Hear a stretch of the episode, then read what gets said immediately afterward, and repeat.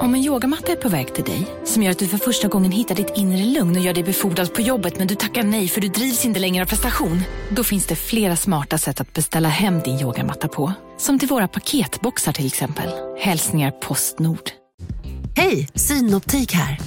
Så här års är det extra viktigt att du skyddar dina ögon mot solens skadliga strålar. Därför får du just nu 50% på ett par solglasögon i din styrka när du köper glasögon hos oss på Synoptik. Boka tid och läs mer på synoptik.se. Välkommen! Du lyssnar på en podd från Perfect Day. Hej. Hej. Hanna, Mm. det här avsnittet är ju lite speciellt. Mm. Eller det är ju ett vanligt avsnitt, men alla intäkterna av dagens avsnitt går till Cancerfonden och insamlingen som vi har startat. Ja, Surret mot cancer. varenda krona. Varenda krona. Så reklamen ni hör i det här avsnittet, alla pengar från de spottarna går direkt till Cancerfonden och vår insamling. Då. Mm. Mm. Och såklart är det en hjärtefråga för mig. Det Mm. behöver vi kanske... Ni vet väl att jag brukar prata om att jag har haft cancer ibland. eh, och framförallt i början, alltså nu har vi snart poddat ett, ett år, och det var väl framförallt i början som vi pratade mest om cancer. Det var mycket som Mm. fortfarande bearbetades och det gjorde också att jag fick så otroligt mycket DMs från folk som varit sjuka, folk som är sjuka, Mm. framförallt tjejer. Nej, Men ni är också några killar.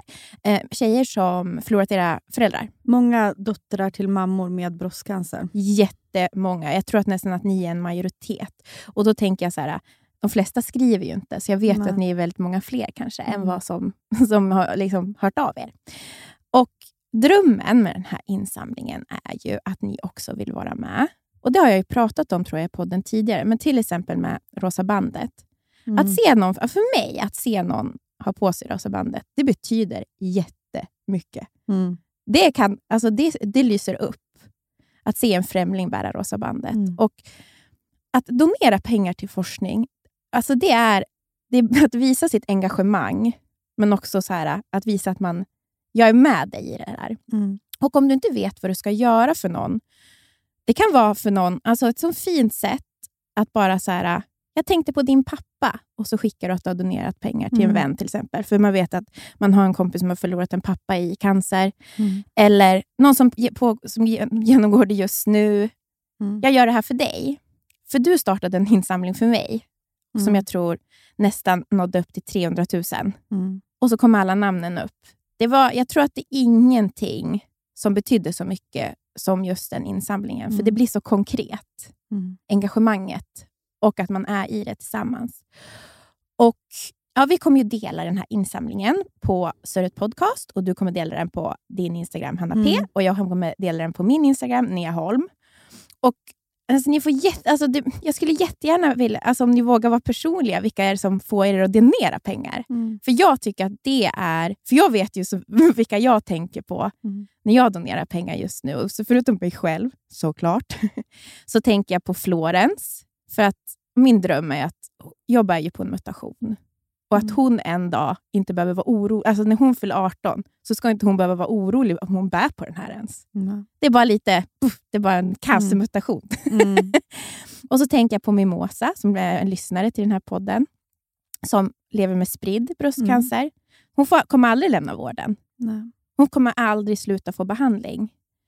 Och Sen tänker jag på min kompis Emme, som förlorade sin mamma för sju år sedan. Som jag vet, Hon saknar sin mamma varje dag så otroligt mycket. Mm. Och Det har påverkat hennes liv så mycket att förlora sin mamma. Mm. Och jag tänker ju på min bästa kompis som fick överleva på grund av att folk skänker pengar till Mm. cancerforskning. Min cancer är något som heter HER2 positive. Och Den är jätteaggressiv. Och Länge var den ansedd som den värsta cancersorten. Och Sen så kom det ett, ett sånt forskningsgenombrott i början av 2000-talet, där en ny medicin kom. Mm. Vilket ökade alltså, överlevnaden med alltså, så många procent. Det är så tydligt före och efter vad såna här medicinska genombrott och framförallt åter till sådana som också vad den har förlängt livslängden på sådana som lever med kronisk cancer. Helt plötsligt har man två år till med sin familj. Mm. För det vi vill ha är ju det absolut viktigaste vi har.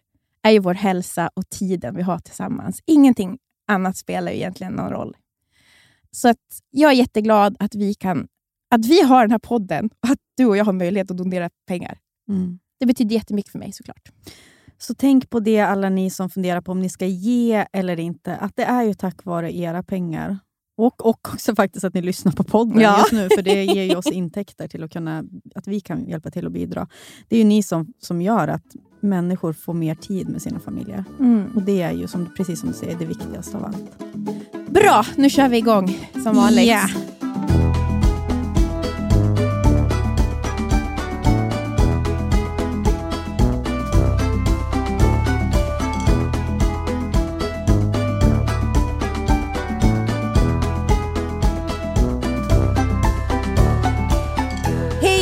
Välkomna skall ni vara till Surret Podcast nummer 52. Man kan tro att det har gått ett år, men vi har gjort ett extra avsnitt och la la la la la.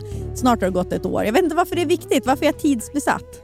Du vet att Anton kallar mig för Taxi? Minns du den karaktären från ett Filip och Fredrik-program? Jaha. Han som var besatt av siffror och sånt. Ja, jag har ju koll på, jag har koll på liksom, det är nästan lite OCD-varning då. Jag har koll på Ja. Sånt där. Ja, men det är som jag. Jag har ju väldigt problem när, alltså, alltså, du vet, att när folk inte kan säga tider till mig och när tider ändras. Jag mår inte bra av det. Nej. Jag bygger upp mitt liv kring... Kring minuter. Ja. Men minns du mitt minutschema jag hade med Nisse när han var bebis? Jag hade alltså, Då sa jag släpp det. jag hade alltså anteckningar. Sov två minuter, drack sju milliliter. Ja, det har vi pratat om, men det var ändå sinnessjukt beteende. Ro- Robotbebisen. Ja, men vad gör man inte för att överleva? Allt man kan hålla i när det känns som att man bara är ett litet löv i vinden. Ja. Och det kan vara tider. Vet du en sak? Apropå det, när vi är inne på och att vara ett löv i vinden, så vill jag prata om Khloe Kardashian. Och första avsnittet av The Kardashians eh, som kom. Och, Nej, men det var så starkt. och jag kommer göra en liten recap, för man kan inte ta för givet att Ser ni inte på Kardashians? Så här är det ju. Khloe Kardashian är tillsammans med en man som heter Tristan. IQ fiskmås. Nej, men det här alltså, kom- Han eh, går på spökjakt och tror att han på riktigt ska hitta ett spöke. Det är liksom på den nivån. Alltså, han, han är basketstjärna och det är nog det enda han kan göra. För att han är så korkad. Det är hans det för att han är så uppsyn lång? Är det att det inte kan vad heter, syresätta vad heter det? huvudet. Nej, men det är, men han är ju, ja. Ja, det är hemskt. För att hon eh, känns ju som en sån varm, underbar person. Mm. Eh, och i alla fall, eh, hon har ju och han har ju en dotter som heter True, som var väldigt efterlängtad. Hon hade väldigt svårt att få barn. Mm, Och jag tror True är kanske fyra eller fem. mm. Och 48 timmar innan True föddes så fick Chloe reda på att Tristan hade varit otrogen mot henne. Mm. Det kom paparazzi-bilder, så det var inte så att han sa det själv. Absolut, det, han sa det absolut hon inte läste själv. ju liksom TMC, typ. Hon läste TMZ. ti- ja, hon, Hon, hon blev... Alltså, ja, det, det ett sånt stort svek och ett trauma. Mm. Du ska bli, ni ska göra det här tillsammans och helt plötsligt har du blivit sviken med den som du ska få barn med och du vet knappt om du vill att han ska vara med på förlossningen. Mm.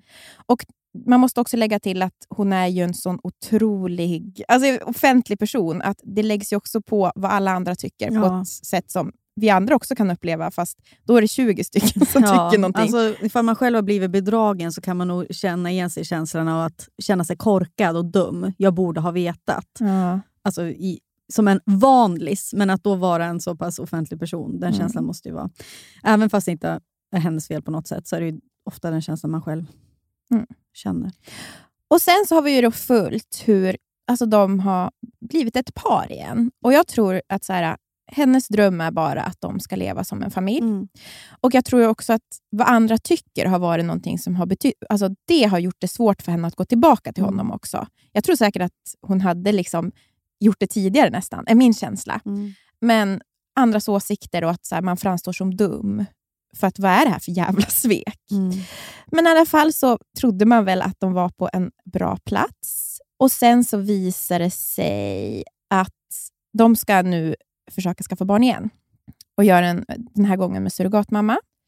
Och så gör de en embryoöverföring jätteglada, förvä- förväntansfulla. Man kan Och det här ska ju sägas att de har gått i terapi, han har liksom lovat henne massa saker, han ska Ja. förändra sig. Och jag menar, man kan ju tänka sig att det är hon som har projektlett allt det här, givetvis. Nu sätter, det är inte så han bara så här, kom följ med, följ med till en terapeut som jag träffar nu för att jag ska bli en bättre person. Utan det är hon som säger du måste göra det här och det här och det här. Och han har väl bara som en hund varit så okej. Ja, men sen har han också varit väldigt på att göra det här. Mm, ja, ja, ja. Alltså han, ja, alltså han hade alltså, varit... få barnet. ja, få barnet. Ja, han, har varit, han har velat tidigare. Det har ju funnits klipp på det, liksom, att han romantiserar liksom, deras familj. Att nu så ska vi bli en hel familj. Att han Ja. säger sådana saker. Och liksom, ja, men, Precis. Så de gör den här embryoöverföringen och säger det såklart ingenting om. Precis som man gör. Man vill inte jinxa någonting. Man, hopp, man vet inte hur det kommer gå. Mm. Och Några dagar senare, och det här är ju med då i sista avsnittet av förra säsongen av The Mm. Kardashians, så kommer det upp på nyheterna att han ska ju få barn med en annan. Och Det här har han vetat i fem månader. För det finns alltså juridiska dokument. Ja, så man vet datum. Ja. No, I'm not lying, and I don't, I'm like shaking for her. My my soul kills, dies for her. No, she's not awake. And what's so crazy is he wrote a whole, whole declaration. Let me read this to you. Hold on, I'm literally shaking. This is like he's like the worst person on the planet. No, I know. I'm filming right now, but it's this is always what happens with us because I'm always filming when this shit happens and I'm Wait, hold on. Let me read this to you. So this is paperwork that he's filed that says the only time I had sexual intercourse with petitioner, which is the girl, was in March 2021 in Houston, Texas. Petitioner claims she is pregnant with my child and that she is due December 3rd. However, petitioner does not recall when I had sexual intercourse with her. Therefore, I do not know if the claims that I am the father of the child are supported by facts. He's saying that he slept with her. I specifically remember having sexual intercourse with petitioner in March because it was my birthday. Hold on, let me merge in Courtney. Hold on. Och han har alltså gått, tänk att han gått i terapi, de har gått i terapi, de har gått och gjort de här äh, äggplocken eh, och allt som, alltså du vet, allt som har skett utan att han har tänkt att han ska berätta det här. Och Sen så kommer det åter ut i media. Hon får reda på det genom att Kim ringer till henne. Och Då vet ju inte Kim att de bara några dagar tidigare har gjort den här embryoöverföringen. Så hon säger till henne, om inte det här är ett tecken på att du inte ska skaffa fler barn med honom, så vet inte jag. Mm. Och då har de, är det redan gjort. Mm. och då i det avsnittet som är nu, alltså det, jag inte, det jag vill, inte vill prata om, jag vill inte prata om Tristan och vet, alltså, försvinn. Alltså folk som utsätter oss, alltså, det, alltså, försvinn, försvinn, försvinn. Det som jag vill prata om är att få barn men samtidigt genomgå ett trauma Mm. som hon gör. Det är så hemskt att se. För att det är så kul. Hur kan man bli, bli så tagen av liksom The Kardashians? Men jag, jag grinade så mycket till det här avsnittet. Jag med. Jag ser ju i hennes ögon att hon är så olycklig. Hon är som ett tomt skal. Alltså hon, är, det är så, hon blir också bara tunnare och tunnare. Man ser liksom fysiskt hur hon håller på att försvinna. Mm. För att hon, hon orkar inte finnas, men hon måste finnas. Det är liksom, man förstår ju dubbelheten i det också. Ja. Men att man ser på henne att varje andetag är jobbigt för henne att ta. Mm. Och det, om inte det här liksom är den bästa realityn som någonsin har gjorts, då vet jag inte. Det är så sjukt att, att det här händer. Ja, man kan nästan tro, alltså är det på riktigt? Ja. Men det är ju på Mm. riktigt. Och det är så fruktansvärt modigt också att visa, visa det där tycker jag. Jag tycker också Alltså att det är så hon- modigt. Och att, alltså för mig är det så här, hon har ju gjort det här förut. Hon har blivit så, alltså vet, man ska få ett barn, alla förväntningar ligger Mm. där. Och sen så hän- sker ett trauma som stjäl allt ljus. Och då i, i det här avsnittet så ser man ju hennes familj på olika sätt, all, att man alltid försöker så här, men det här barnet är allt. Mm. Men det som är så hemskt är att inte ens ett barn kan rädda Nej. en från ett trauma. Man kan inte, alltså, jag ser på henne att hon vet att det kommer bli bra när bebisen kommer. Men det är inte bra nu. Och Det Mm. spelar ingen roll att de går och köper saker. Eller, Nej. och Man ser också desperationen bland då syskonen och i Chris. Mm. De vill ju bara att hon ska vara glad. Mm. De bara försöker hela tiden så här, men det här barnet är en blessing, du vet, så här, du vet fokusera på barnet, du måste bara ta dig an det. Men hon är ju någon annanstans. Mm. Alltså, hon har ju varit med om en, återigen, alltså, en, ett drömkross. Mm. Hon skulle ju uppfostra, de skulle ju vara en familj. Hon skulle ju leva med honom och de skulle få ett barn tillsammans. Det skulle ju bli den familjen hon kanske själv inte Ja. hade. Liksom att bygga den där... Det är väl det Och också. göra om, Alltså och vet du vad det är? ja. Göra om, göra Ja, rätt. och så kan man inte... Det blir inte rätt då enligt henne. Sen kan det ju bli rätt. Det är väl det de försöker säga, så här, det blir ju rätt ändå. De här Mm. dröm. Men att ställa om i sitt huvud. Och Jag tänker bara på att vara ny mamma. Det pratar vi ofta om. Eh, vi kan ju prata om det tusen miljoner Ja. år för att det är så skört på så himla många sätt. Jag åkte buss igår med en helt ny mamma. Mm. Det var så uppenbart att hon, hon hade en bebis som kanske var fyra veckor. Getts ut. Mm, ja, getts ut. Hon hade liksom en helt ny som bugga-bo-vagn, precis såna som vi har. Ja. Alltså man ser, den, är, den är så fin. Ja, alltså, den alltså. är liksom så orörd. Och så sitter hon på bussen och bebisen är knallröd och skriker. Och, och hon liksom, Jag ser stressen i hennes ögon och tar upp den och, liksom, och du vet, daskar den rumpan och kollar sig omkring. Och liksom, vilka kollar? Jag ser att någon kollar. Liksom, så här, ja, men du vet, Ja. någon ungdom stirrar surt. Typ. Och jag försöker på alla medel jag kan bara visa för henne att så här, du är bra. Alltså, du gör inget fel. Det är liksom, vad moder du var som sitter här i bussen med, Ja. med en fem veckors liten. Jag vet inte. Det är så himla... Man, man kommer ju, den där känslan ligger så nära en själv, för man vet ju hur det var.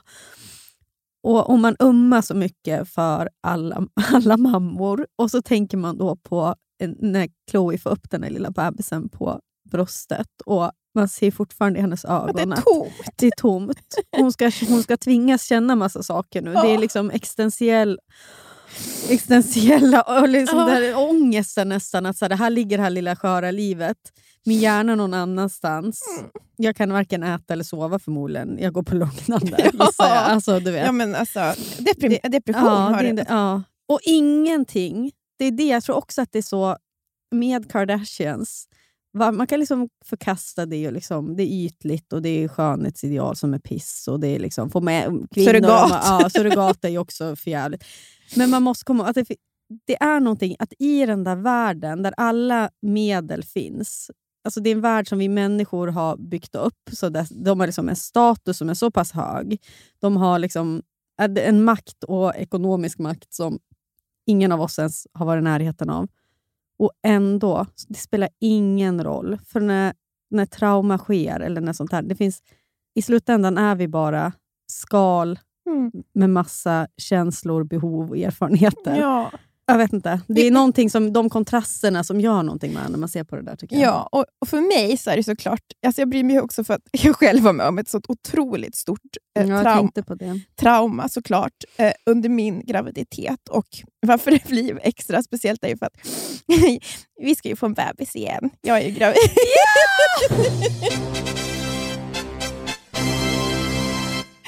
Och, men det betyder också att jag återupplever mycket av mitt trauma.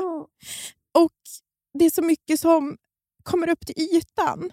Och när jag då ser Khloe Kardashian och det där tomma, Mm. för att man kan inte... Det är bara tid som kan, kan läka och det är så hemskt att det tar tid från ens barn. Jag tycker liksom inte om att använda ordet anknytning. För det känns som så här, det är återigen när man pratar om det, så här, det är ju väldigt någonting, innan man är gravid är man ju väldigt rädd för så här, hur kommer anknytningen Mm. gå. Det är som att antingen är det något som finns eller så finns det inte. Mm. Och man bara så här, och så får man jättepanik så fort det inte, då inte ska infinna sig. Men alltså, om jag ska förklara hur det var för mig att få barn så var det att jag, det tog väldigt lång tid för mig att komma i kontakt med det som var mamman i mig. Mm. Eh, och det, alltså, det tog jätte, alltså, du vet, så här, alltså, två år. Alltså absolut. Ehm, när jag bara kände att, så här, att jag bara gjorde. Jag gjorde allt. Och ändå, du vet, man pussar och man kramar. och man och Det finns så mycket. och jag menar, det här har ju också, Vi har ju pratat om det i podden tidigare. att Det här påverkade också min syn på en av anledningarna till så här, jag kände mig knappt tillräckligt till ett barn. Hur ska jag någonsin kunna skaffa ett till barn? Mm. Jag känner mig inte som den mamma jag vill vara till ett barn. Hur ska jag kunna ha fler barn? Mm.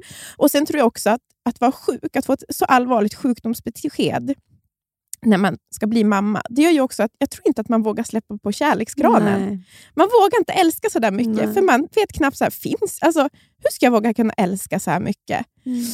Det blir för jobbigt. Man gör ju, det är ju liksom försvarsmekanismer som sätts in, skulle jag gissa. Ja, Nej, men jag tänkte på dig också när jag såg Kardashians och det här just med att vara någon annanstans i huvudet. Det är klart att jag kunde känna igen den blicken hos dig. ja. Alltså, det är ju... Liksom, man, då känner man ju också igen sig i liksom syskon och, och Chris. Och så här, för det, det enda man ville då till dig var ju att säga det kommer bli bra, vi Ja. fixar det här. Alltså, det, det, du, du, att du inte känner alltså, dig som en mamma nu. Du kommer göra det. det kommer Ja. vara, men det spelar ingen roll. För det, är liksom, det du tänkte på var ju att överleva och så ska man samtidigt Precis, så jag menar, ibland vara en så... helt ny roll. Ja, och, att, alltså, all, och det var ju så sjukt, för att det säger ju alla till en. Men Gud, vilken tur att du var gravid när du fick det här beskedet. Då hade du något att se fram emot. Men det var ju också det var ju både en blessing och en curse. Jag hade ju så höga krav på mig själv också. Sen fanns det ju mycket glädje.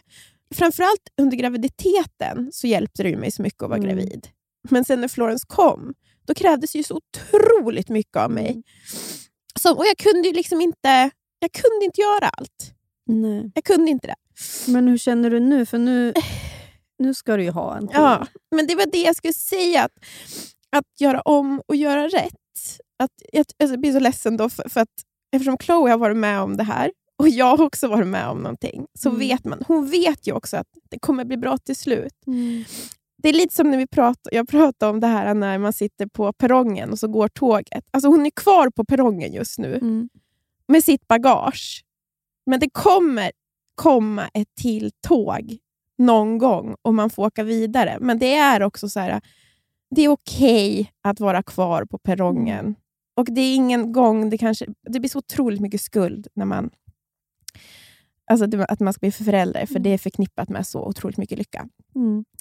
Men jag tänker också ni som har varit med om någonting traumatiskt under, alltså, när ni fick barn eller så, att så här, och kanske inte våga, alltså av någon anledning känt att ni inte skulle våga skaffa fler barn. Att Mm. Det blev ju bra för mig till slut. Mm. Det tog jättelång tid, men nu är det. Alltså, jag, det har jag ju pratat om i tidigare avsnitt, men alltså, jag har trivs så bra i min... Alltså, att vara, alltså, du vet, så här, osäkerheter som jag hade förut är borta. Mm. Men det är också väldigt sorgligt nu för att jag är ju så mycket mer exalterad över det här barnet. Mm. Både- Får skuld över det. Inte skuld, jag tycker bara att mer, det kan ju också ha med att jag är andra gångs förälder så jag vet vad jag ska få. Mm. Men jag kan nästan säga jag vill typ börja köpa grejer nu. Förstår Mm. du? Kan jag inte bara få gå och köpa något litet Mm. plagg? Det får du. Men jag har otroliga katastroftankar. Mm. För jag känner att varför ska du... Alltså du vet så här, liv, jag, alltså jag, jag tycker livet är så tufft. Så det är så här, varför skulle det gå vägen den här gången? Mm. Vad är det som säger att det så här, att det ska gå bra? Sen vet jag att man inte ska tänka så. Och Det är också lite därför när jag, såg Chloe, jag bara, Nej, men nu måste jag berätta i podden. För jag orkar inte sitta här och låtsas som att det inte pågår något jättestort i mitt Nej. liv. Bara för att jag inte ska jinxa någonting. Mm. Då skulle jag kunna vänta tills barnet kom. Alltså det, Mm. och, nej, Och inte ens då. nej. Alltså när nej. barnet har kommit. Nej, då är det alltså, något ja. annat. Så att, nej, jag tycker liksom att jag vill att det skulle vara... Det är därför jag, för att göra det på riktigt också, så känns det så kul att få berätta det. För Mm. att jag är så himla glad. Mm. Men sen har jag mått jättedåligt och mår jättedåligt. Alltså jag är jättetrött och det har varit kämpigt. Men jag är Mm. jätteglad för, för bebisen som ska Mm. komma. Och Det du också lärde dig, eller det som du ofta återkommer till och som du lär mig varje dag, är ju att oro, det spelar ju ingen roll. Nej. Alltså, det spelar ju ingen roll om du, alltså om du låter bli att vara glad nu Mm.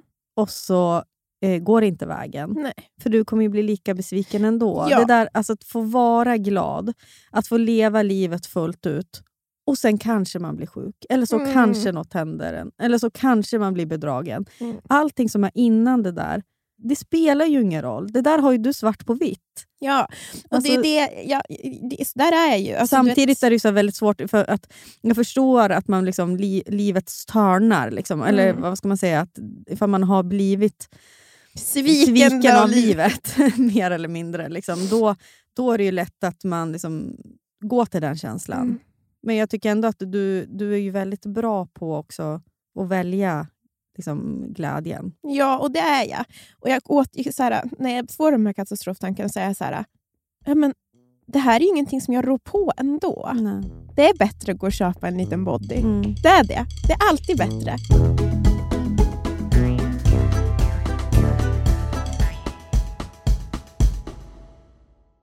Har ni sett vår sketch? I samarbete med Länsförsäkringar som då fortsätter att vara sponsor i den här underbara podden som du och jag har. ja, tack Länsförsäkringar för det. Vi har ju faktiskt gjort det är två sketcher med dem nu på vår Instagram. Mm.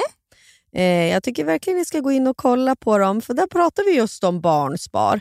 Och det slutar ju ändå lyckligt, för att jag har ju nu startat ett... Eller ja, Anton startade ju nu ett barnspar till vår guddotter Blanche.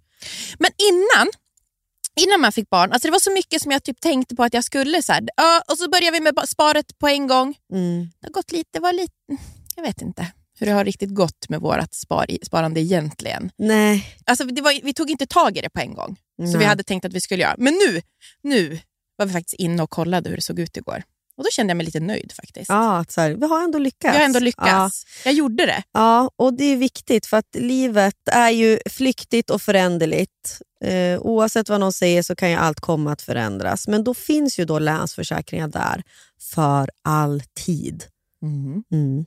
Och Det är ju väldigt så här, det är både försäkringar, Mm. det är barnspar, det är pension. Det är verkligen hela livet.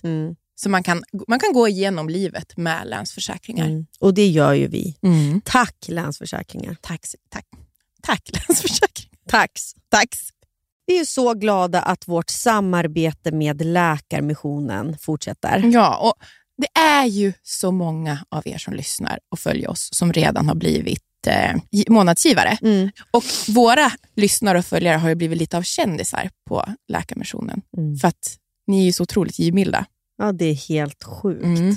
Och fler ska vi bli. Ja, men det tycker jag verkligen. Och Varför behövs då Läkarmissionen? Jo, för eh, varje år så dör ju hundratusentals kvinnor av sin graviditet eller förlossning. Ja, och ungefär en miljon bebisar dör för att de inte får rätt vård och omsorg. Ja, varje år. Mm. Och Den här vården och omsorgen hjälper då Läkarmissionen till eh, med. För att man vet ju att mest sårbara är unga flickor och kvinnor som lever i fattigdom. Eller på landsbygden. Eller kvinnor och flickor som eh, befinner sig på flykt. Mm. Eh, Så att Läkarmissionen vet ju också att nio av tio dödsfall skulle kunna förebyggas med rätt vård. Och det vet ju både du och jag, Anna, att ingen av oss har ju haft förlossningar utan komplikationer. Nej, Men egentligen har vi aldrig varit rädda. Nej verkligen. Eh, för att man har varit har fått rätt typ av omvårdnad. Mm. Och det, är- det är för att du och jag hade turen då att befinna oss på rätt plats. För Mm. det är ju det det handlar om. Och när du blir månadsgivare via Läkarmissionen och ger 90 kronor i månaden så motsvarar det att du varje år ger sex kvinnor och deras bebisar rätt till en säker förlossning. Mm. Mm.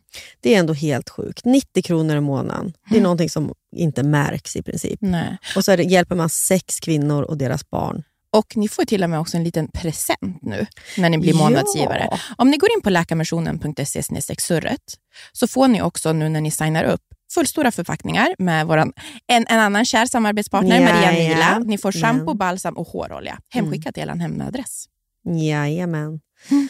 Ja, så gå in på läkarmissionen.se surret så får ni alltså det här sättet från Maria Nila när ni blir månadsgivare. Tack Läkarmissionen! Tack!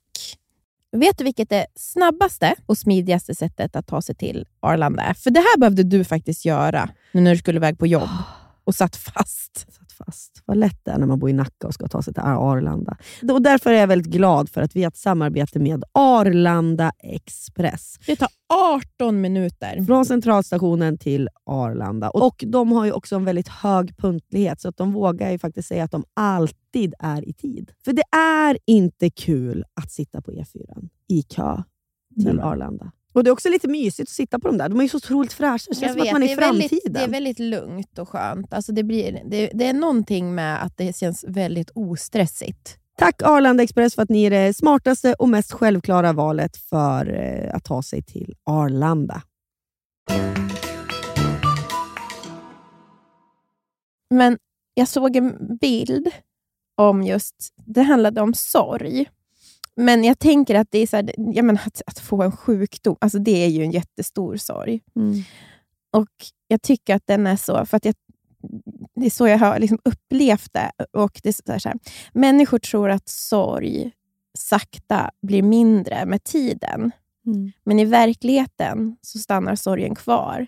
Den är i samma storlek. Men sakta så börjar livet växa sig större runt sorgen. Mm. Och Det är exakt det som har hänt. Liksom, att från, att inte våga, alltså, så här, från att inte våga skaffa fl- fler barn Mm. till att man nu är jättespänd inför vad som ska komma. Mm. Det är sånt, och det är för att livet har vuxit runt den här sorgen som jag har Mm. haft.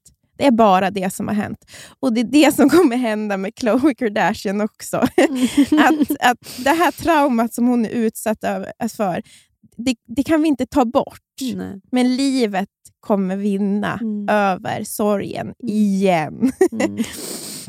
Jag Och- tycker vi delar den där, för du skickade den där bilden till mig. Det Ja. var väldigt talande också hur de hade ritat upp den Ja, där vet. sorgklumpen. Den består. Liksom. Den består. Men saker kan finnas ändå. Ja. Vi, vi lever ändå. Och det pågår ändå och vi vågar ändå. Och nu Mm. vågade ni ändå. ja. Och jag är så, så glad att ni gjorde det. Ja. Och jag, Jag är så glad! Jag tror inte ni förstår hur, hur roligt. Och Florence är så glad och det är så Mm. spännande. Och jag, jag ser verkligen fram emot en... Att jag, alltså du vet, det är så sjukt att tänka sig tanken att så här, ska jag alltså du vet, åka hem från ett sjukhus med en bebis och sen är det, that's it! Jag ska Mm. vara tillbaka om, om det, bebisen ska vägas. Jag ska Mm. inte liksom opereras. Jag ska inte in på medic medicinering. Jag ska inte ha en massa hemska besked som Mm. väntar. Jag ska bara vara en mamma. Mm. Det är ju sjukt. Mm.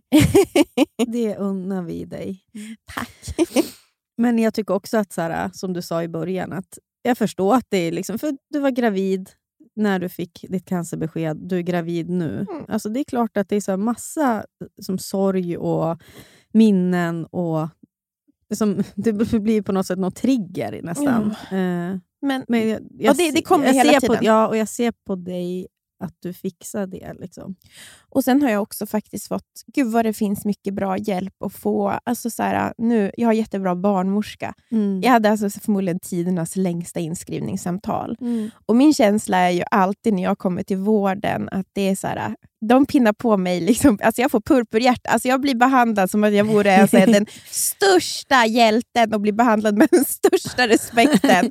Och Det är så skönt, för det är ingen annanstans jag känner, känner den att jag får det erkännandet. Mm. Men inom vården så får jag alltid det. Om de, alltså det får jag alltid den känslan. Mm. Och- Men det är för att de vet väl också. Ja. De ser väl i journalerna vad du har gått igenom. Och då Precis. förstår man ju på ett annat sätt. Det är inte så att du går runt med din journal och viftar på middagar. Eller jag vet inte. Nej, jo, men det, jag skulle gärna göra det faktiskt. Men, skryta. Men det finns så mycket fina människor som hjälper en på olika sätt Mm. när man ska ta sig igenom såna här saker. Och det, nu menar jag inte bara så här att folk som säger de rätta sakerna, utan det kan bara vara en vänlig liten hand. På, alltså så, så, Mm. någon som trycker ens hand när man gör ett ultraljud. Alltså det är verkligen små saker som gör att man tar sig igenom saker. Mm. Eh, så att där är vi nu på en ny resa som ni får följa med på. Ja, så det mindre supande från Nias Och bara så ni vet, det är inte för att om ni har tyckt att jag verkar tråkig, det är inte för att jag har slutat druckit, det är för att jag är gravid. ja, för sluta drucka har du inte gjort nu när det är gravid. Nej, men verkligen. Eh, men vi har fått supa desto mer då. ja, det har du ju gjort också. Ja, vi ska inte ens prata om Nej, men eh, det kommer bli en del gravidsnack då i podden. Men Och inte, det, jag vet inte, jag är ju inte, är ju inte jätte... Alltså jag tycker inte att det är jättekul. Men man kanske, kanske finns andra som tycker kul. Om det finns andra som, vill, som är gravida, kanske första gången, kanske vi ska göra ett, här, bara ett bonusavsnitt om vänta barn och ja, sånt. för då kan ni andra Skita i det. skita i det. För att det, jag, är faktiskt, ja, jag lyssnade aldrig på förlossningspoddar eller läst. Förlossningsberättelse kommer det bli i alla fall. Ja, vi får se hur det här barnet föds. Ja, ja men oavsett. så Ja, ja. Förlossningsberättelse. Ja!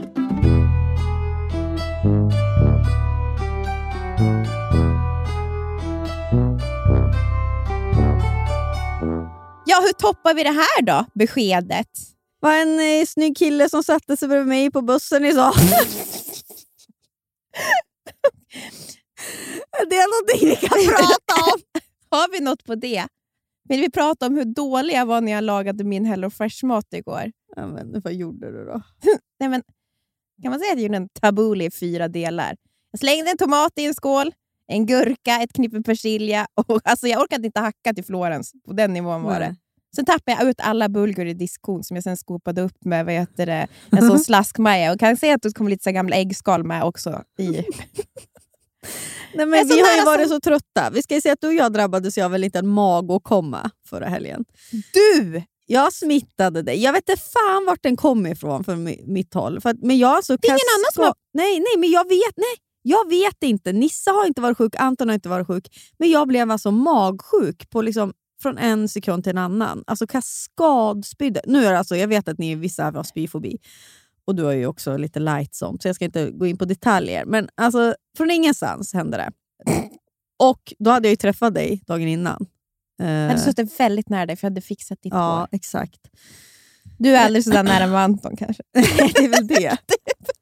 Så det, han liksom fick ingen... Jag är närmare dig fysiskt än med Anton.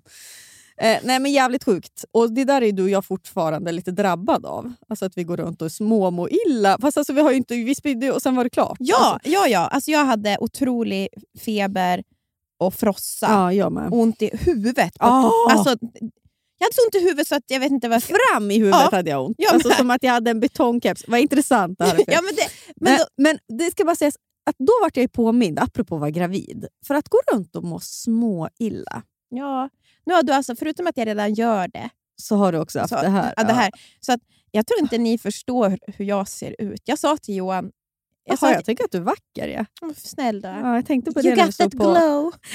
Pregnancy glow! Nej, men om jag var två steg från psyket förra avsnittet, nu är jag, alltså, nu är jag så nära. Jag Mm. sover ingenting. Mm, därför liksom ligger jag så jävla arg på folk som har automatkörkort. Det måste vi ta upp, att folk har blivit så kränkta. Hur kan... Alltså, ni hörde ni vad jag sa? Att det var utan grund, det var en, alltså en, en person som var nära psyket. Då kan ni inte försöka höra av er sådär och förklara. Lyssna inte på mig. Lyssna inte på en person som är mentalsjuk. Folk var ju, jag förstår ju ändå. För, alltså man har tagit... Ja, vi måste Man har betalat släppa- jättemycket pengar för att inte kunna köra alla bilar menar du? fortsätta. Liksom. Nej. Jag, vet du vad? Ja. Folk som skriver sånt där, jag, är, jag känner igen Jag skulle inte skriva, men jag känner igen mig. För jag, skulle också, jag lyssnar på poddar och de kan säga något förklarar. förbifarten. Då blir jag också "Äh, fan så hemskt. Alltså jag är ju en sån som blir kränkt. Men är det inte sjukt att vi pratar politik? Ingen hör av sig. Jag säger något om automatkörkort. Vi blir nerringda. Vakna! ja. Nej, det var jätte, det var, det, vi skojar, det var jättekul. Mm, Men det här avsnittet, då menar du alltså att du är, är liksom en tå från psyket? Nu är jag en tå från psyket. Mm. Jag kröp, alltså på riktigt kröp jag ut från Florens, för jag har sovit i Florens för hon har varit lite sjuk. Så Mm. hon har gått upp på nätterna, så hon har fått sova med Johan, vilket inte heller var hjälpsamt, för Johan jobbar jättemycket. Så att han hör inte när hon vaknar. I, I natt så vaknar jag av att hon ligger och ropar pappa, pappa. Och jag går in i sovrummet. Johan ligger och sover, hon ligger och gråter. Och jag bara, vad är det Florens? Pappa pratar inte med mig. alltså han är så slut stackarn. Alltså det är synd om honom. Ja, han jobbar ju dag och natt. Mm. Så i morse kröp jag, på, alltså typ, alltså jag, var, jag gick ut som Gollum Ah. ur sovrummet och så tittade jag på Johan och så sa jag, du måste hjälpa mig. Jag bara, vi måste, jag bara du måste hjälpa mig. Jag, jag vet inte vad jag ska göra. Jag har såna sömnproblem. Vi kan inte ha det så här. Vi måste liksom ha en plan. Mm. Och Då sa han att ikväll så sätter vi en plan. Du behöver inte oroa dig. Ja. Det här löser vi. För Mm. jag, alltså, det här med sömnen, alltså, det är så sjukt när man har barn att man är så dålig på det. Hur kan jag vara så vek? Mm. Jag klarar inte av någonting. Du är ju van vid dina tvåsiffriga nätter. Att du ska Ja. ju ha tio timmar helst för att må ska som bäst. Som som bäst. Ja, vid vårt hushåll så snittar vi väl fem sex timmar då per natt. Det är inte heller det är inte ljust hos oss. Du messar mig och säger att det är mörkt hos er, men alltså... Det är inte... Apropå jobba mycket, vad lite jag jobbar. Vad lite jag jobbar nu. Du skickade en bild. Du grät igår, Mm. men du skrev inte varför du. Jag fick bara en bild på ett ansikte som grät. Och jag orkade inte, vet du, och då låg jag vaken på natten så jag orkade inte ens svara på det här. För jag mår så dåligt. Det ville väl bara visa att här är också en människa i upplösningstillstånd. Vad var det? Det var eh, livspusslet. Oh. livspusslet. Hur ska det gå ihop? det är pinsamt att och prata om sånt här. Man har liksom ett heltidsjobb, men jag ska bara till mitt försvar. Varför ni undrar också varför jag kanske låter lite låg i dagens podd. Eller liksom, jag, har liksom, jag känner mig helt likgiltig. För jag kan inte gå in i mina känslor, för jag har inte tid. Att jag grät igår, det var alltså en 30 sekunders pyspunka. Sen var jag tvungen att sätta mig vid datorn. Mm. Och sen kollade jag ju Bachelor. För att jag... Alltså, Ja, kunde inte hantera. Nej, men jag kan inte. Alltså, jag får bara... Och då kan jag också, så här, när Anton då kommer och bara så här, men när jag uttrycker att jag är svinstressad. Mm. Och då han så här, men sätt dig och jobba på kvällarna. och då försöker jag förklara för honom att om jag ska jobba på kvällarna, ett, så måste du förstå att mitt jobb handlar inte om att jag ska sitta framför en dator Och beta en- av i beta någonting. av Nej. att jag ska göra slides. Det handlar ju bara om att så här, dels få tag på folk alltså på dagtid, Ja. alltså bokningar. Såklart. Men sen handlar det också om att utveckla kreativa saker. Både till podden Ja, ja, ja. ja. och till jobbet. Mm. Och, och även, jag har ju också någon slags influencer-samarbeten som pågår. Alltså, alltså, förstår du? Där det liksom är Det är också ja, kreativitet. behövs. 25-åriga eh, PR-tjejer som är supergulliga men som jagar mig. Alltså som är så här, De- de- du, vi behöver ett utkast på det här. Du har liksom, och det är mycket pengar i omlopp. Alltså, jag måste, och, jag, och det är saker jag vill göra, det är saker jag står för och tycker är kul. Men jag, alltså, och, och allt det här är ett virrvarr i mitt Ja. huvud. Och han säger att jag ska sätta och liksom, sitta och beta av saker på kvällen. Då försökte jag förklara, det var då jag hade också börjat grina där. Jag skickade dig. För då försöker jag förklara att jag förstår, alltså det, och jag jobbar redan på kvällen ska sägas. Det är inte så att jag aldrig gör det. Men alltså jag måste få kolla på Bachelor. Ja! Om jag inte gör det, när ska jag då liksom hinna andas i magen? Om jag liksom sitter framför mig, jag vet inte hur ni andra funkar. Jag, kanske, och då, jag får också så skuldkänsla för bara, är jag lat? Är jag liksom dålig på något sätt? För jag tycker att jag jobbar hela tiden. Men jag, jag vill, för mig är det superviktigt, innan jag går och lägger mig så kan jag inte sitta och jobba. Nej. För då kommer jag inte sova. Nej. Då kommer jag bara tänka på jobb. Ja, och jag försökte förklara det. Och så tycker jag som att, det är så att han förklarar för mig att jag ska jobba på kvällarna och som att det är det normala. Och jag försöker säga att här, bara för att du gör det så betyder inte det att det ska vara mitt liv. Nej. Och att jag tackar ja till det här, det här, de här jobben som jag gör nu, det, alltså det är ju på mig, det, det vet jag ju. Men, Det är men, svårt men man måste ju kunna man måste ju kunna ha ett liv med ett jobb som går bra där man inte tvingas jobba varje vaken timme. Ja, som, som våra partners gör just nu. Ja. Jag sa, eh, vet du, jag vet inte om det är så direkt stöttande, men att jag senaste kvällen har jag gått varje gång till, in till Johan när han sitter på kontoret. Jag bara, det här är inte normalt. Mm. Vad är det här? Alltså, hur kan det vara så här? Att man sitter och jobbar så här mycket. Mm. Ja, Jag, tror att ingen det är, jag tror att det är en flykt. det är ingen annan. Jag bara, jag menar, så här mycket ska man ju inte jobba. Nej. Det ska man inte. Det här är inte ett liv. Nej. Man ska inte vara så där trött Nej. och sitta. Och Jag tycker också så här, kan man inte säga stopp? Alltså, hur funkar... Alltså, vad, vad är, det, är en, det är ingen som dör. Nej. Det är ingen som dör. det är så här, och jag tror att, eh, utan att gå in, för, in på för mycket detaljer vad Johan Anton håller på med, Nej. så kan man ju säga så här att jag, jag tror att i deras fall så är det kanske inte Själv- det krav uppifrån utan inifrån. Liksom. Ja, jag vet att det är det. Eh, Och då hjälper det inte att jag sitter och säger Man inte- up! Du måste fokusera på familjen och mig, jag har sömnproblem. Florens hör inte när hon säger pappa, pappa på natten. Florens äter äggskal och jag ligger som Gollum naken i golvet och skriker. Ja, nej, jag håller med. Men, eh, Jag är jättestolt över honom vill jag bara Ja. lägga till. Så att, och jag är faktiskt stolt över mig själv, att jag liksom pallar det här. Och jag vet att jag... du alltså, har för mycket Hanna. Ja. Du måste bara alltså, erkänna för dig själv att så här, det spelar ingen roll om allt är roligt om det är för mycket. ja, Man kan inte skapa innehåll och jobba med en podd kreativt. Ha ett heltidsjobb när du skapar innehåll och vara kreativ till ett Mm. tv-program. Och alltså, Samarbeten tar jättelång tid, det vet du ju. mm, jag vet. Du vet det. Och det är också en prestation. Det är lite ångest när det ska läggas ut Mm. som inte vi kan ta bort. Nej. Och så, så här, det, det ordnar sig. Alltså, så här, Ja, det är jag inte orolig för. Men jag, det är inget ja, kul om att inte må bra, jag vet. Men det, kan, man, alltså, Och vet, så blir det ju alltså, med barn. Tre, kan du inte tänka på de här tre benen i den här situationen också? På dig Mm. själv, på omständigheterna, på Nisse. Mm. Alltså, Precis, jag ska inte hata på mig själv för att saker inte blir exakt som jag hade tänkt. och sådär. Men, ja. men, men eh, det, det jag ändå vill säga att jag upptäckt är bra i mitt liv just nu, det är att det finns... Alltså den tiden jag får med Nisse när vi åker buss, är underbar. Alltså nu, det är också, det vet ju ni som har tvååringar, att det är nu liksom saker händer. Och liksom Mm. Vi sitter på bussen och då har jag liksom... Ni, här, jag är ingen kanonförälder. Alltså, så här, jag håller på med min telefon annars mycket. Och det är liksom, Han får ha napp när han inte ska ha napp. Och det är liksom, men på bussen har jag nu liksom aldrig telefonen. För att det är så mycket som händer i hans huvud när han åker buss. Han ser saker. Och när vi åker på vägen hem från förskolan så, så finns det mycket han vill berätta. och sådär. Och om man lyssnar tillräckligt noga så, för, så hör jag ju vad han Mm. säger.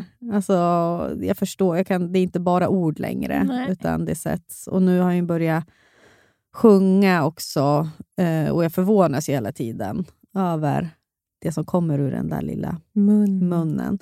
Och säga vad man vill med liksom stress och barn och allt sånt där. Men är det någonting som är väldigt stressreducerande för mig, är det när det funkar med Nisse. Mm. Sen ska ju sägas att i morse när han vägrade ta på sig galonisarna, då var det inte så jävla...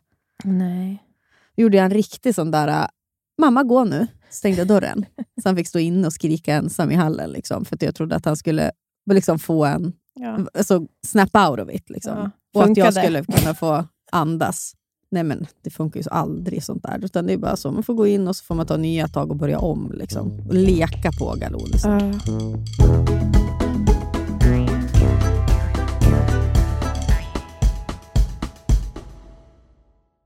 Du som lyssnar på podden Ja. kanske lyssnar nu genom din mobiltelefon. Mm. Kan, brukar du tänka på vad, vad, vad liksom det som är mobilen kommer ifrån?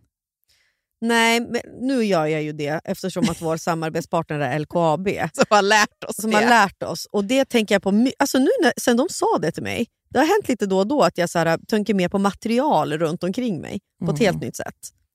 Och så här är det, i avfallet eh, från LKABs järnmalm Mm. finns så kallad kritiska mineral. Och Det är sånt som vi behöver till typ då elbilar eller mobiltelefoner. Mm. Och Idag kommer de ofta från länder som Kina eller Ryssland. Men nu så planerar då LKAB för fullt att utvinna det från sina egna gruvor. Och tänk Ja, att det görs i Norrbotten. Ja. Vi Ja, behöver vi, då vi inte... förstår ju import, importerna från Kina eller Ryssland. Också, jag menar, hur, hur, hur, Hur kontrollerat hur det är. kontrollerat är det? Hur tas den här, eh, de här mineralerna fram?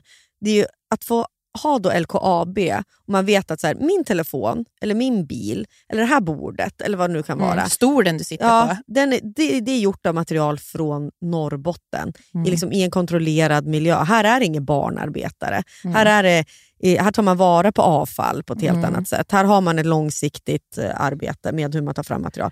Det, det, vore, alltså det känns ju otroligt i själen ifall det, man kan få till det. Ja, och vi vill ju såklart att ni ska lyssna på vår livepodd som vi spelade Ja. in i Luleå tillsammans med LKAB. Ja, för där pratar vi med LKAB om Ja. just eh, det här. Eh, och Jag tycker de säger väldigt kloka och bra saker. Och det mycket angår såna, oss alla. Mm. Det och vi pratar oss- även om andra, andra saker i den här podden. Men, Ja, men just den, den biten tycker jag var jävligt intressant. Att vi fakt- faktiskt fick också intervjua deras tekniska chef om just det här. Precis, så gå in på den livepodden och lyssna. Vi har också pratat som sagt om andra saker också, bland annat en spaning om gubbkepsar och ballerina-sneakers. Ja, precis. Det finns smått och gott i, i den podden. Den ligger ju där ni hittar den här podden. Mm. Tack LKAB. Tack LKAB. Jaha, vi måste ju flytta. Ni kanske har sett och hört om att vi var i Göteborg. Och Den här veckan så sponsrar Göteborg och Company podden.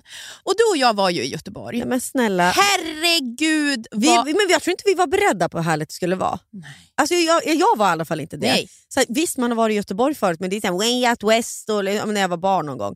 Men att få i vuxen ålder upptäcka den här Får- otroliga staden. Får jag säga det första som både du och jag konstaterade, som jag nu har gått och sagt till alla, Mm. är ju vilken underbar gå och strosa på stan Ja. stad det är. Så mycket bättre än Stockholm. Får man snacka skit om Stockholm i den här spotten? Jo. Ja. Men, men alltså det var så, att gå där runt Magasingatan, Ah. det, det finns ingenting som är som det i Stockholm. Nej, alltså vi funderade så här, men är det typ som på Söder? Nej! nej, nej. nej. Jag får ju För typ pa- panik när jag Ja, går jag på vet. stan här. Jag vet, det går inte att gå på stan i Stockholm. På, alltså, I Göteborg, det var liksom som att det inte var några bilar där heller. I de här fina stråken där vi gick då, i 25 grader och sol. Ja. Och sen så var vi, måste jag också säga, vi var ju och käkade på eh, Salahallen två, gånger. För det Och- var så jävla bra. Ja, men och det fanns ju också så många restauranger som vi inte ens hann testa. Alltså det var, äh, vilken, jag vill, det är också ett sånt otroligt tips. alltså, Gå det dit. slöt Bar ut- Belå och Ja. vad heter det, wine, eh, wine, Wine Mechanics. Mechanics. Mm. Ja. Och sen fick jag, du och jag också ta med dig på min... Alltså, jag var så glad att jag fick ta med dig på paddan. Alltså, hur glada var vi där? Ja, alltså, jag, jag tänker tillbaka och bara, Och det är när man var åker den lyckligaste kanalbåt. stunden i mitt liv. Ja. Jag tänkte inte på något annat än det jag såg. Det var en rolig göteborgare som guidade oss genom eh, Göteborg då, via den här paddan, båten. Då. Alltså, det är tre timmar med tåget från Stockholm. Och bara få byta miljö är ju det bästa som vill. Alltså åka iväg med en, en kompis eller partner eller familjen. Alltså, det är så, Ah. är så värt. Tack Göteborg och company för att vi fick åka på den här resan. Vi, vi kommer tillbaks. Precis, och gå in och, och kolla våra reels som vi har gjort Ja. också. Så får ni, ser ni exakt vad vi gjorde. Ja, tack. Ska jag säga vad jag har känt av nu när jag är gravid? Och så med Florens och så här, nu större. Alltså hon, det är allt är mycket enklare. Men oj, alltså det är som att mitt tålamod har vuxit med 500 procent. Ja, Ja. för att du är gravid. Jag tror det måste ha Man någonting... tänka, tänka För att du det är man är så tvärtom. Jag vet, men jag är så... Eller så är det för att jag värnar så mycket om tiden jag har med henne nu. Ja. För att jag vet att det här är snart... Alltså snart så, så har Kommer inte en jag... Kommer någonting- ja, konkurrent. Så att, nej men alltså, jag vet aldrig om jag har känt mig som en så här bra mamma som jag gör just nu. Åh, gud underbart. Det är så underbart att så här, jag tycker alltså jag är så lugn. Men jag står bara och väntar på medaljen om diplomen. Men typ, jag sa det till Johan. Alltså wow! Vilken, har du märkt vilken mamma jag är? Han bara, vadå har du inte varit det förut? Eller vadå? Han bara, blev, blev så orolig. Vadå, har inte du varit en bra mamma in? Eller vad pratar du om? Jag bara, nej åh, har du inte märkt hur, hur, liksom, hur, hur, hur liksom pedagogisk, tålmodig? Jag, liksom, jag är allt. Jag är allt, förstår du? Han bara, ja absolut. Ja, det är så jävla lustigt hur man kan... Jag sa till Anton igår, jag bara, vet du en sak jag tänker mycket på nu? Apropå de här bussturerna. Ja. Men använd inte telefonen på bussen. Du Och skulle så- berätta det för ja, honom, sa- hur han skulle så- vara en bra pappa. Och så eh, nappen och, och kaninen, den då får han ju inte ha på bussen så att du vet. De har ju inte, och det är liksom, och det, det får man, och jag, då brukar jag leka lite så här, vilken färg är- ser du här? Vilken färg? Klipp, och det här sa jag alltså igår kväll, för vi hade haft riktigt bra bussturer.